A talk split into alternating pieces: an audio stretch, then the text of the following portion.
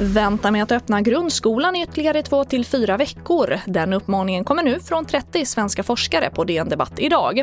Eftersom det enligt forskarna finns tecken som pekar på att även yngre barn kan fungera som smittspridare.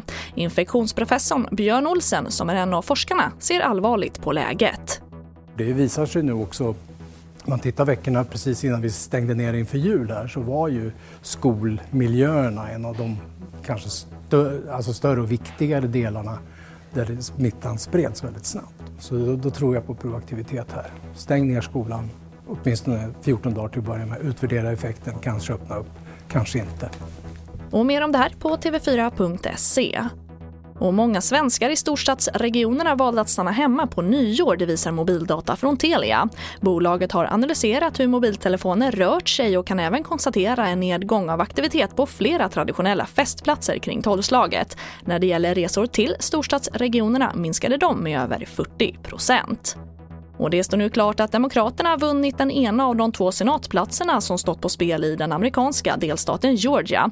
Och för tillträdande president Joe Biden är det extra viktigt att vinna båda platserna eftersom han då får kontroll över senaten som i slutändan godkänner regeringens lagförslag.